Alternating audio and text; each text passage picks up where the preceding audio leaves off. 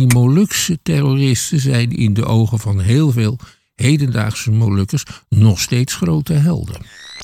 Mag je, die, mag je de premier van, van Nederland, waarvan wij de naam niet zullen noemen, dan voor zijn kop schieten? Eh, moslims hebben in Europa meer vrijheid om het geloof naar hun eigen zin te beleiden dan in de meeste Arabische landen. Je luistert naar de praatkast met gesprekken die er echt toe doen.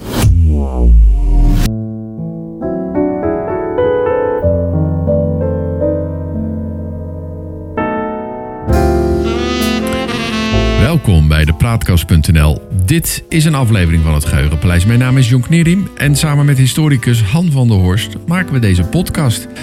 En de geschiedenis die herhaalt zich nooit, maar Rijmer dat doet hij vaak wel. En dat gegeven gebruiken we in het eh, Geheugenpaleis om dieper in te gaan op de actualiteit. En om zo te ontkomen aan de waan van de dag en om tot de kern van het nieuws te komen. De laatste weken is er in Europa weer sprake van een verhoogd niveau van terrorismedreiging. Zo heeft de Nationaal Coördinator Terrorismebestrijding en Veiligheid, de NCTV, het dreigingsniveau verhoogd van niveau 3 naar 4. En dat betekent dat de dreiging opgeschoven is van aanzienlijk naar substantieel, wat dat dan ook mogen betekenen. En in Duitsland hebben we de dreiging bij de Deulse Kom, Keulse Dom eh, natuurlijk kunnen volgen. Deulse Kom, moet je mij horen. En in Frankrijk is ook de politie en het leger eh, in verhoogde staat van eh, paraatheid gebracht. Han, komt dat nou allemaal door de oorlog in Gaza? Uh, dat kan op de achtergrond een, een aanleiding zijn, ja. omdat uh, in brede kring de grote solidariteit bestaat uh, met de Palestijnen en dan met name de slachtoffers eh, van de oorlog in eh, Gaza. Maar het is wel belangrijk om te benadrukken dat Hamas, de andere partij in de oorlog, zich in zijn acties nadrukkelijk beperkt tot het bestrijden van uh, Israël. Ja. Dat staat activiteiten in Europa niet in de weg. Uh, maar ik denk niet dat Hamas. Uh, zelfmoordterroristen gaat sturen. Wat wel kan zijn, is dat uh, lokale fanatici uh, besluiten een daad te stellen. Ja. Dus... Al dan niet met gebruik van merknamen zoals Al-Qaeda of IS. Of de Houthis, want die zijn nou heel druk bezig met het eh, bombarderen van schepen in, uh, ja. in, de, in de Rode Zee. Maar dat, ja. is, dat, dat is hetzelfde. Ja. De Houthis die streven naar de macht in, in Jemen omdat ze denken dat ze daar om allerlei redenen recht op hebben. Ja. En dan moet ik een heel lang geschiedenis Nee, dat gaan we nu, dat gaan we nu niet doen. Dat gaan we nu niet doen. Hey, in voorbereiding op deze podcast uh, probeer ik me wat in te lezen. Maar ja, ik heb dus een lijst gezocht met uh, de terroristische aanslagen. Ja, dat is een hele, hele lange lijst. En het lijkt de laatste jaren steeds erger uh, te worden. Ik heb zelf, en dat zal voor veel mensen gelden nog ja, eigenlijk vers in de geest aanvallen van 9-11 op 11 september in uh, 2001 was het volgens mij in Amerika op de Twin Towers. De Bataclan 2015, een aanval in, uh, in Frankrijk. Een land trouwens dat als je daarin verdiept uh, al, altijd al geterroriseerd is geweest, ook in de tachtige jaren volgens mij. De Londen Metro van 2005. Maar ja, daarmee doe je eigenlijk geen recht aan, aan, aan al die andere verschrikkingen die uh, er zijn uh, geweest in, in de afgelopen ja, 100 jaren. Maar laten we eens beginnen bij het begin. Wat is dat eigenlijk, terrorisme? Nou, er zijn een heleboel uh, definities voor. Maar het handigste is denk ik dat we de officiële Nederlandse definitie gebruiken. Ja. Dat is die van de NCTV. Ja. En die ga ik nou even voorlezen. Ja. Terrorisme is het uit ideologische motieven dreigen met, voorbereiden of plegen van op mensen gericht ernstig geweld, dan wel daden gericht op het aanrichten van maatschappij ontwrichtende zaakschade, met als doel maatschappelijke veranderingen te bewerkstelligen, de bevolking ernstige vrees aan te jagen of politieke besluitvorming te beïnvloeden. Ja. Dus Ik vind dat eigenlijk wel een knappe definitie. Ja, dus het betekent uh, je, je, je, je doet iets met geweld. En daarmee ontwricht je de maatschappij. En dan hoop je dat daarmee ja, je invloed kan uitoefenen op wat je eigenlijk wil. Ja. En, en wat, ja. dat, wat dat betreft is dan uh, de aanval van Hamas op 7 oktober een duidelijke terreurdaad. Want die had tot doel kennelijk om de bevolking vrees uh, aan te jagen. En door het nemen van gijzelaars proberen ze politieke veranderingen te bewerkstelligen. Ja. Ja. Tegelijk is het ook een oorlog. Dat maakt het dan wel weer, weer wat complexer natuurlijk. Ja. Nou ja, die vrees aanjagen, dat, uh, dat lukt wel. Want ja, ik, ik, ik, ik, ik, kijk altijd wel weer wat extra om me heen als ik op een kerstmarktje loop in uh, Berlijn, bij wijze van spreken. Ik weet ja, dat beginnen we allemaal te leren. Ja. En we beginnen ook te schrikken van een rugzak die uh, alleen op een perron staat. Ja, ja. En dat was, heb ik ooit geleerd van een, een vriend van mij die uh, op bezoek was geweest in Israël in de jaren tachtig. Zegt, ja, je moet oppassen dat je daar geen tasje staat laat staan, want er komt gelijk politie bij. Ja, en tegelijkertijd zie je ook dat bijvoorbeeld op die kerstmarkten in Berlijn, waar ook wel eens een aanslag is gepleegd, dat daar allemaal uh, uh, ja, hekken en andere obstructies omheen staan om ervoor te zorgen dat iemand met een auto daarop kan rijden. Maar dat zie je bijvoorbeeld ook op het Lange Voorhout in, in Den Haag. Dat is helemaal afgeschermd. En in de afgelopen 30 jaar zijn, zijn eigenlijk al de toegangen tot de ministeries, maar ook tot de Tweede Kamer, die zijn zodanig aangepast met grote, uh, ja, grote objecten die ergens staan of met hele hoge stoepen, zodat je daar niet zomaar binnen kan rijden. Dat geldt bijvoorbeeld. Ja, wat, denk jij dan, ja. wat denk jij dan van de gewone volksfeesten in heel Nederland? Waarbij de organisatoren ineens met allerlei heel dure veiligheidseisen ja. worden geconfronteerd. Dat heeft daar ook mee te maken. Ja, zeker. En ik, ik was pas in Londen en, en dan denk je, ja, hebben we een kerstdienst bijgewoond uh, in, uh, in uh, de, de St. Paul's Cathedral. Of wat was het? nou ja, of de Westminster, nee, de Westminster Abbey. Ja, en daar staat dan iemand die na 30 tassen te hebben gecontroleerd zijn handen ten hemel helpt. Oh, al die tassen! En dan ook even snel een vluchtige blik in mijn tas werpt en dan mag ik toch naar binnen toe. Het is ook weer dat ik denk, nou ja, hoe lang gaat dit goed? Ja, dat, uh, dat weet je nee. natuurlijk niet. Misschien ook wel heel lang hoor. Want als je het allemaal bij elkaar optelt, dan zijn die terroristen er niet ingeslaagd om de Europese maatschappij te ontwrichten. Nee. Maar ze zijn er wel ingeslaagd om die maatschappijen een stuk alerter te maken. Ja. En, het, en, en een het... stuk vijandiger tegenover hun eisen. Ja, maar uh, vijandiger ten opzichte van hun eisen, maar ook het beperkt ook zeg maar, onze vrijheid in zekere zin, omdat dat alles nou, zo gecontroleerd dat, wordt. Dat weet iedereen die wel eens een vliegreis maakt. Ja, ja, ja, daar word ik ook altijd tussenuit gehaald om gecontroleerd te worden. Um, nou ja, als we nou eens proberen te focussen op de Nederlandse uh, geschiedenis, dan, dan kwam toen kwam bij mij op de moord uh, van uh, de moordaanslag op Willem van Oranje door Balthasar Gerards. Ik weet niet wanneer dat was, in 15 zoveel of zo? In 1584. Ja. En dat was de eerste politicus ter wereld, Willem van Oranje, die met een pistoolschot om het leven is gebracht. Ja, dus... En de tweede in Nederland die met een pistoolschot door om het leven is gebracht. Politicus. De tweede politicus is Pim Fortuyn. Ja, dat was in 2002 was dat, ja. Ja, ja dus dat, dat, en dat is wel een soort van terreurdaad natuurlijk, of niet? Dat was het ook. Ja. Balthasar Gerards was een agent van de doodsvijand van uh, Willem van Oranje, koning Philips II van Spanje. Die heeft zijn familie ook in de adelstand verheven en uh, het, het prijsgeld uitbetaald, mm -hmm. wat heel hoog was. En daar is... Uh, Balthasar eh, Gerards niet aan toegekomen om daarvan te genieten, want hij werd meteen opgepakt. En ze hebben er wel een middag over gedaan om hem dood te krijgen in Delft. ja, dat geldt vast niet zachtzinnig. Nou ja, verder heb ik, heb ik, ja, daar heb ik natuurlijk geen herinnering aan, maar wel dat, dat we dat op school uh, uh, gehad hebben. Ik, ik herinner me de, de 70 jaren in Nederland toch wel als een periode waar we veel te maken hadden met, met terrorisme. Kan je daar iets over zeggen? Ja, we hadden toen uh, vooral te maken met uh, ja, gijzelingen door radicale Molukkers. Die streefden naar een onafhankelijke republiek ter uh, Zuid-Molukken. Die gijzelden bijvoorbeeld een kleuterschool. Ze gijzelden treinen. En we hadden te maken met activiteiten van de RAF, de Rode Armee-fractie. Die uh, was in Duitsland actief met, uh, met echte terreurdaden. Maar die had ook Nederland een beetje als, uh, als werkterrein, want daar konden ze een tijdje uit het oog van de Duitse politie blijven. Ja.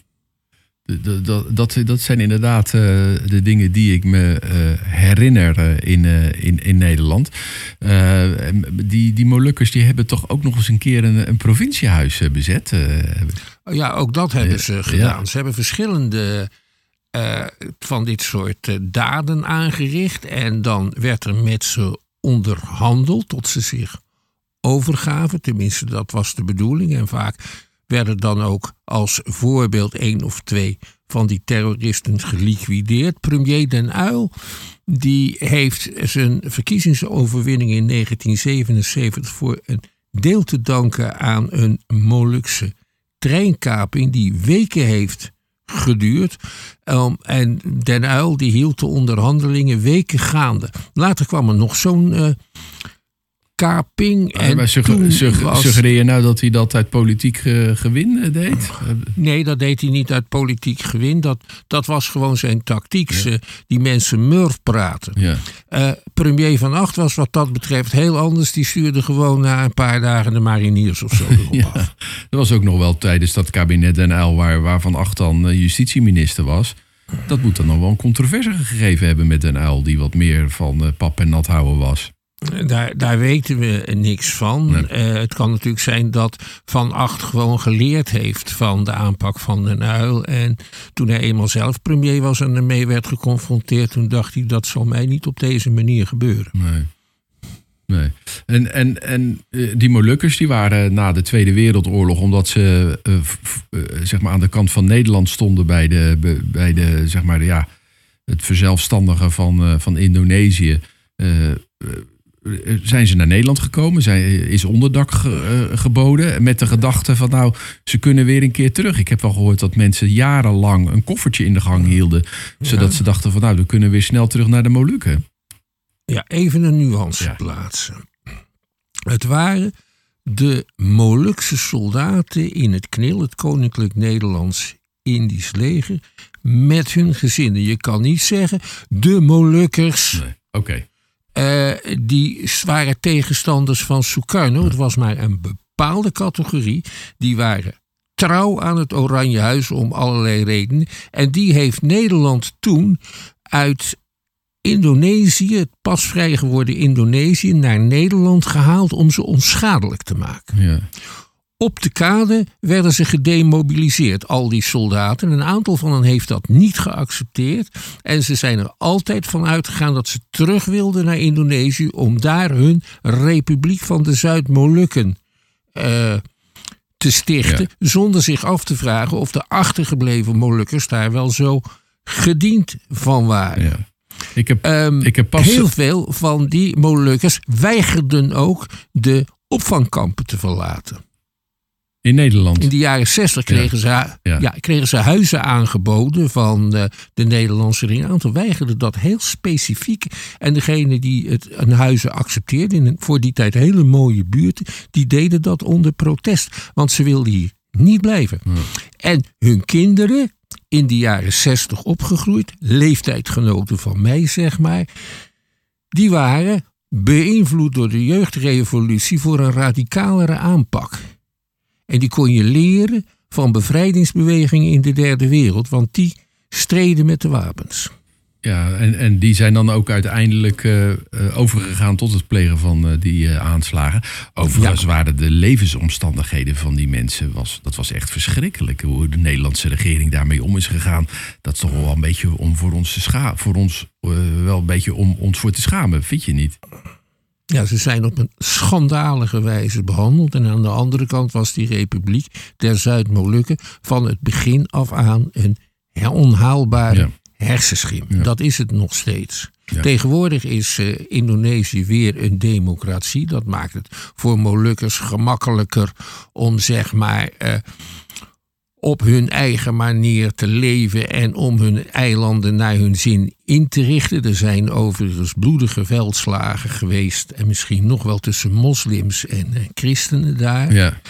Uh, en het ideaal is denk ik wel een beetje vervaagd, maar die Molukse terroristen zijn in de ogen van heel veel hedendaagse Molukkers nog steeds grote helden. Ja. Ik eh, ben pas in eh, Den Haag eh, bij een grote bijeenkomst geweest van Molukkers. Er waren echt nou, honderden mensen die daar ja, eigenlijk pleiten voor het oprichten van die, van die Molukse staat.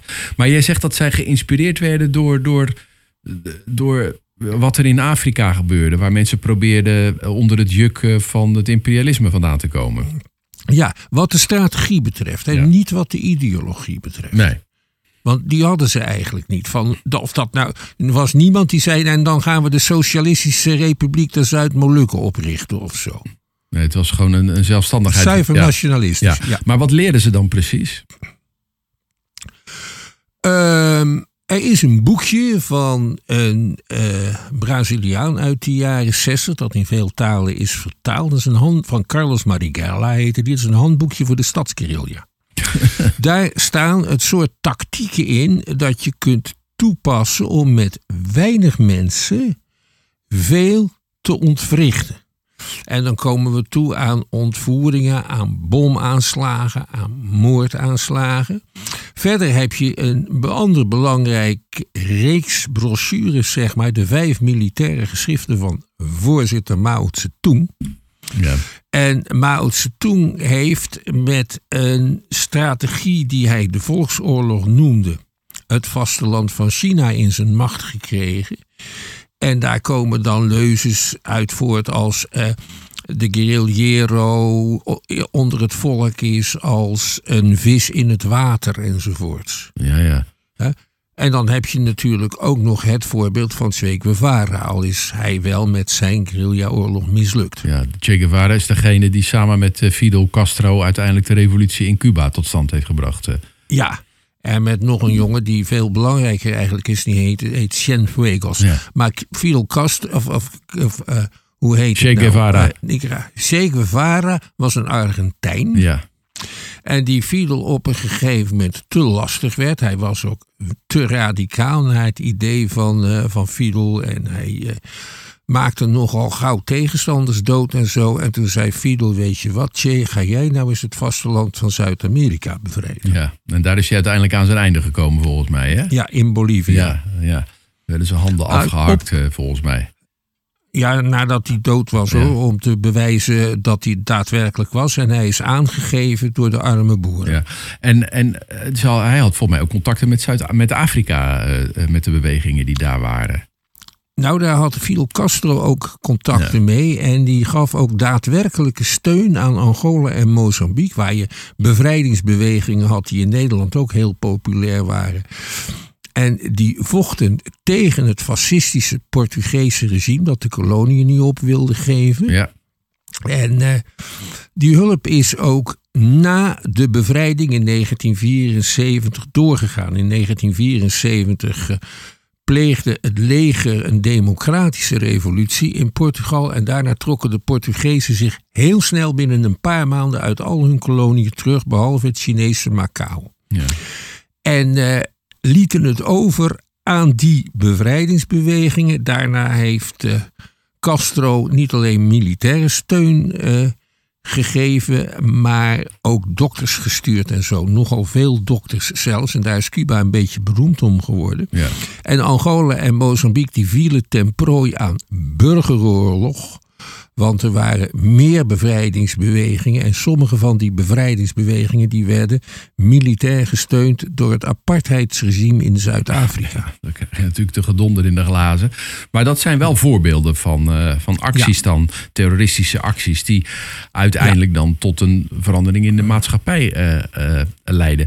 Maar je zou kunnen zeggen dat dat eigenlijk zich dan plaat, of dat dat plaatsvindt, zo 60 jaren in een, in een soort omstandigheden van een ja, soort linkse, brede linkse beweging, waarbij dit dan extremen zijn binnen die linkse beweging. Was, is, dat, is dat een beetje kenmerkend voor die, voor die tijd en het terrorisme van die tijd?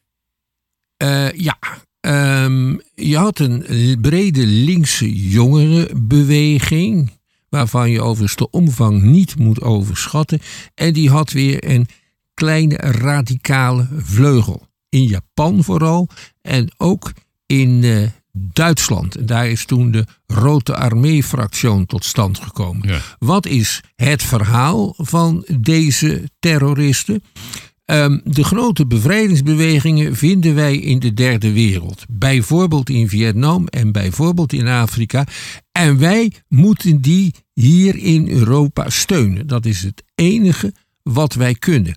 En dat doen wij door de consumptiemaatschappij, die in essentie kolonialistisch is en bestaat dankzij uitbuiting van de derde wereld. Dat doen wij door die consumptiemaatschappij aan te vallen. En de, de RAF is dan ook begonnen met aanslagen op warenhuizen in Frankfurt. Ja. Maar dan, en maar... later gingen ze over tot ontvoeringen, bijvoorbeeld van de meneer Schleier, de voorzitter van de Duitse werkgevers. Ja, en, en, en daarmee terreur uh, zaaiend. Maar dat, dat, die, die gedachte dat uh, Afrika geholpen moest worden en dat er iets gedaan moest worden tegen het ongebreidelde kapitalisme, dat leefde breder in de maatschappij, toch? Ja, ja, dat leefde breder, maar je kunt dat ook op een andere manier doen. Je kon bijvoorbeeld in Nederland lid worden van de Stichting Nederlandse Vrijwilligers. En dan ging je in Afrika helpen bij de opbouw van het onderwijs en bij het uh, invoeren van verbeteringen van de landbouw. Ja.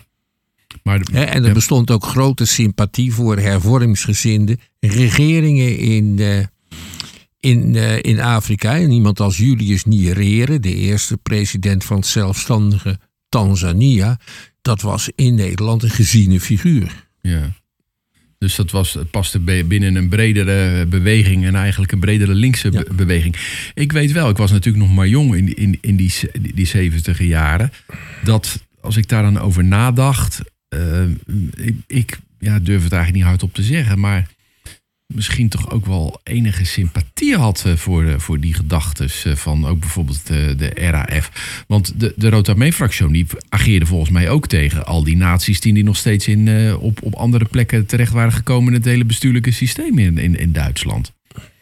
Nou ja, dat hoorde bij hun ideologie dat het een voortzetting eigenlijk was van het nazisysteem West-Duitsland. En waar kon je dat bijvoorbeeld aan zien? Dat kon je zien aan bepaalde veiligheidswetten die daar waren ingevoerd. In West-Duitsland was de communistische partij bijvoorbeeld verboden in 1967 en 57, sorry. En er waren zogenaamde beroepsverboden. Ja. Als, je bepaal, als je links was, dan kon je een aantal functies, erg links was tenminste, een aantal functies niet krijgen. En daar wond men zich in Nederland verschrikkelijk over op, over die beroepsverboden. Ja. Terwijl ze in Nederland ook golden hoor, alleen daar had niemand het. Dat was een beetje informeler, ging dat natuurlijk uh, ja. daarin.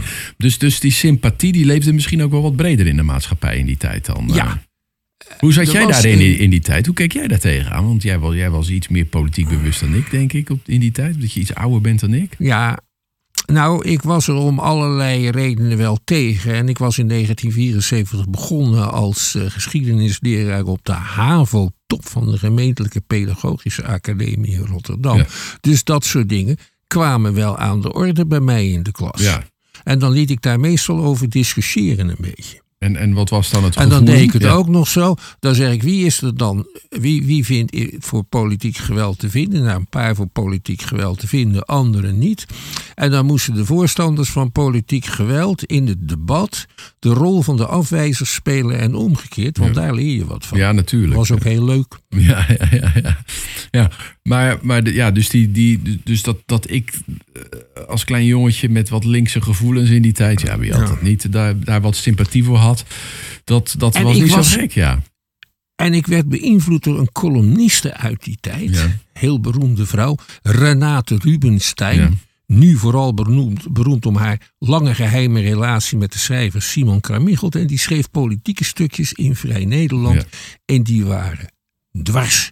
Zij schreef bijvoorbeeld dat Mao Zedong niet deugde.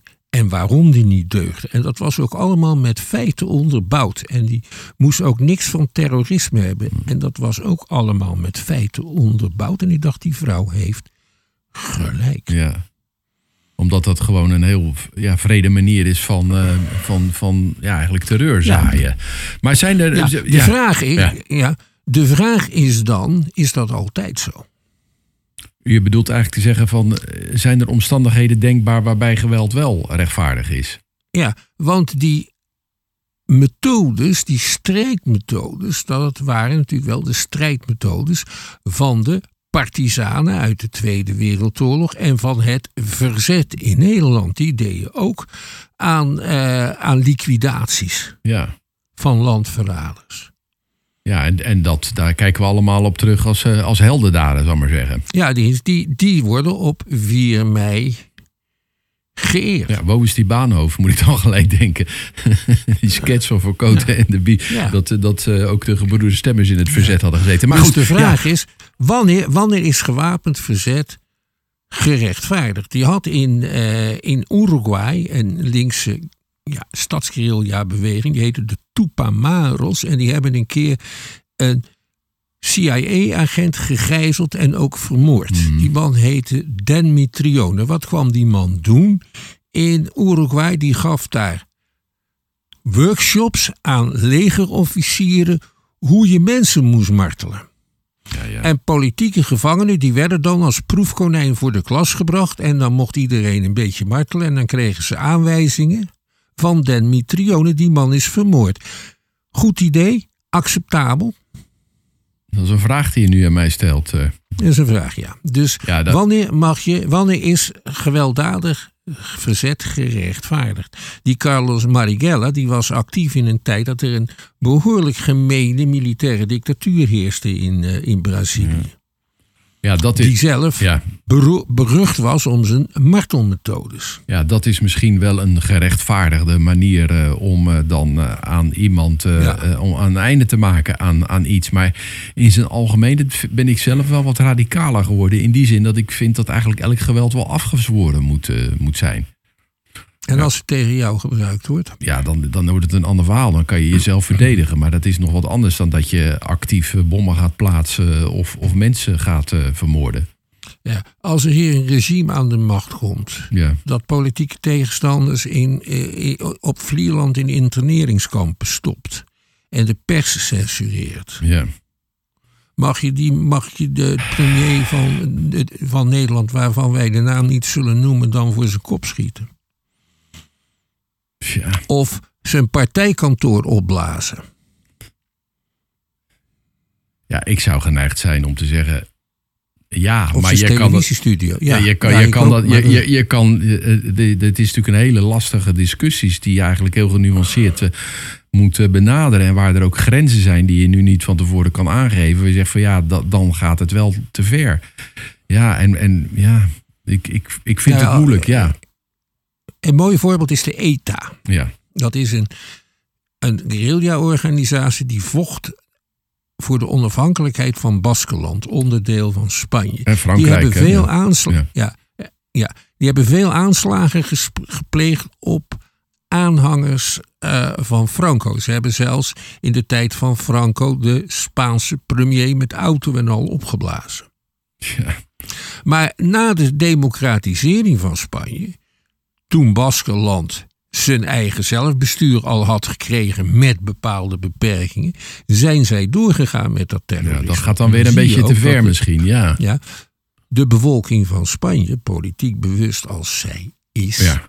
die was, stond aanvankelijk sympathiek ten opzichte van de ETA. Nou, Ja. Gold natuurlijk ook voor bijna alle Basken. Maar na de bevrijding van het land sloeg dat behoorlijk om. Ja.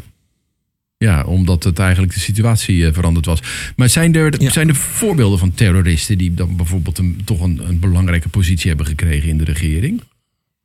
Eh, nou, neem bijvoorbeeld Pepe Mujica. Dat is een, eh, de ex-president van Uruguay. Ja. Dat is zo'n oude Tupamaros die lang gevangen heeft gezeten.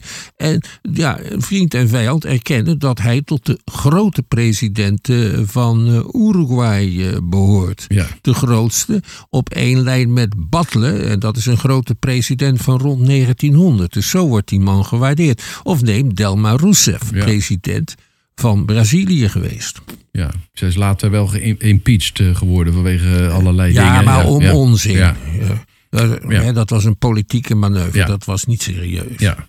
Maar, maar dat zijn dus voorbeelden van. Maar je zou ook Sinn Féin, dus zeg maar de, de politieke tak van de IRA in, in Ierland, eh, Noord-Ierland, eh, eh, daar zou je ook voorbeeld van kunnen geven eigenlijk dan. Ja, Ja, die zijn nu uh, ja, heel belangrijke partij. Zowel in het zuiden, in de Ierse Republiek, als in uh, Noord-Ierland zijn ook uh, ja, klaar om te regeren. En die hebben de wapens neergelegd in het kader van een heel groot akkoord. En daar gaan zij als politieke partij verder. Dat doet ook de FARC in Colombia, die we allemaal wel kennen van de beroemde Nederlandse terroriste Tanja Nijmeijer. Ja. Waarvan binnenkort de memoires verschijnen. Ja. Als we nou weer even de sprong naar het heden maken. Terrorisme, dat is uh, voor een groot gedeelte in Europa de laatste jaren, en de, de grootste angst hoort daar ook bij, dat is toch wel het moslimterrorisme. Uh, Zit daar dan enige rechtvaardiging in? Uh, nou, het lijkt me niet. Uh, moslims hebben in Europa meer vrijheid om het geloof naar hun eigen zin te beleiden dan in de meeste Arabische landen, waar binnen die islam van regeringswegen vaak een bepaalde stroming wordt uh, bevoordeeld en een andere benadeeld of zelfs vervolgd. Hè? Als je gaat kijken naar president Sisi van Egypte. Die vervolgt de aanhangers van de moslimbroederschap. Daarvoor wordt hij betaald door Saoedi-Arabië. Want die moslimbroederschap die is niet alleen fundamentalistisch, maar die zegt ook dat er een islamitische republiek moet komen. En daar houden koningen niet van, zoals die in Saoedi-Arabië aan de macht zijn. Dus het is allemaal erg ingewikkeld. Je kan wat dat betreft beter hier zitten. Maar hou je dan Ook als je theologisch, politiek-theologische geschriften wilt ja. publiceren. Maar dan kan je dus maar beter gewoon um, um, een beetje gedijst uh, houden. Want de, de, de strijd voor Palestina wordt misschien nu ook wel hier uh, uitgevoerd. En, en IS heeft ook uh, terreurdaden hier gepleegd. Ja, ja, dat is ook zo. Maar de strijd voor Palestina die wordt hier niet, nee. niet uitgevoerd. Het zou trouwens ook heel onverstandig zijn als Palestijnen of aan Palestina gelieerde groeperingen hier iets opblazen. Uh, want dat betekent alleen maar uh, dat de regeringen hier nog meer achter Israël gaan staan. Ja, en dan verliezen ze de steun uh, die nu groot is onder grote delen van de bevolking. Nou ja, ja. Het terrorisme, een heel oud fenomeen. En dat zijn we voorlopig ook niet vanaf, denk ik. Maar nee. we moeten wel enige hoop houden dat het de maatschappij toch maar ja, eigenlijk heel beperkt kan ontwrichten. Ja, dat is ook zo. En dan moeten we maar denken aan de moord op uh, hertog Jan Zondevrees in 1419. Of was het nou 1417? Ook door een echte terrorist. En daar is het Bourgondië ook niet van ontwricht. Nee. Uh, dus we hebben er echt al heel lang ervaring mee. Ja. Eeuwen en eeuwen lang. Het is een uh, onderdeel van het, het leven. We moeten het eh, hierbij laten, deze aflevering van het Geheugenpaleis. We maken het in samenwerking met eh, de Praatkast. En de uitzendingen zijn te vinden op www.praatkast.nl. Abonneren op onze podcast kan in de podcast-app die je gebruikt. Dan krijg je automatisch een bericht wanneer een nieuwe aflevering online komt. En wil je ons mailen? Dat mag, heel graag zelfs. info.praatkast.nl, dat is ons e-mailadres. Voor nu eh, bedankt voor het luisteren en tot de volgende keer. Wees gelukkig, blijf gezond en ga nooit naast een tas van een ander liggen. Want je hebt kans dat de politie komt, te veel vuurwerk in vindt en dan zegt dat die van jou is.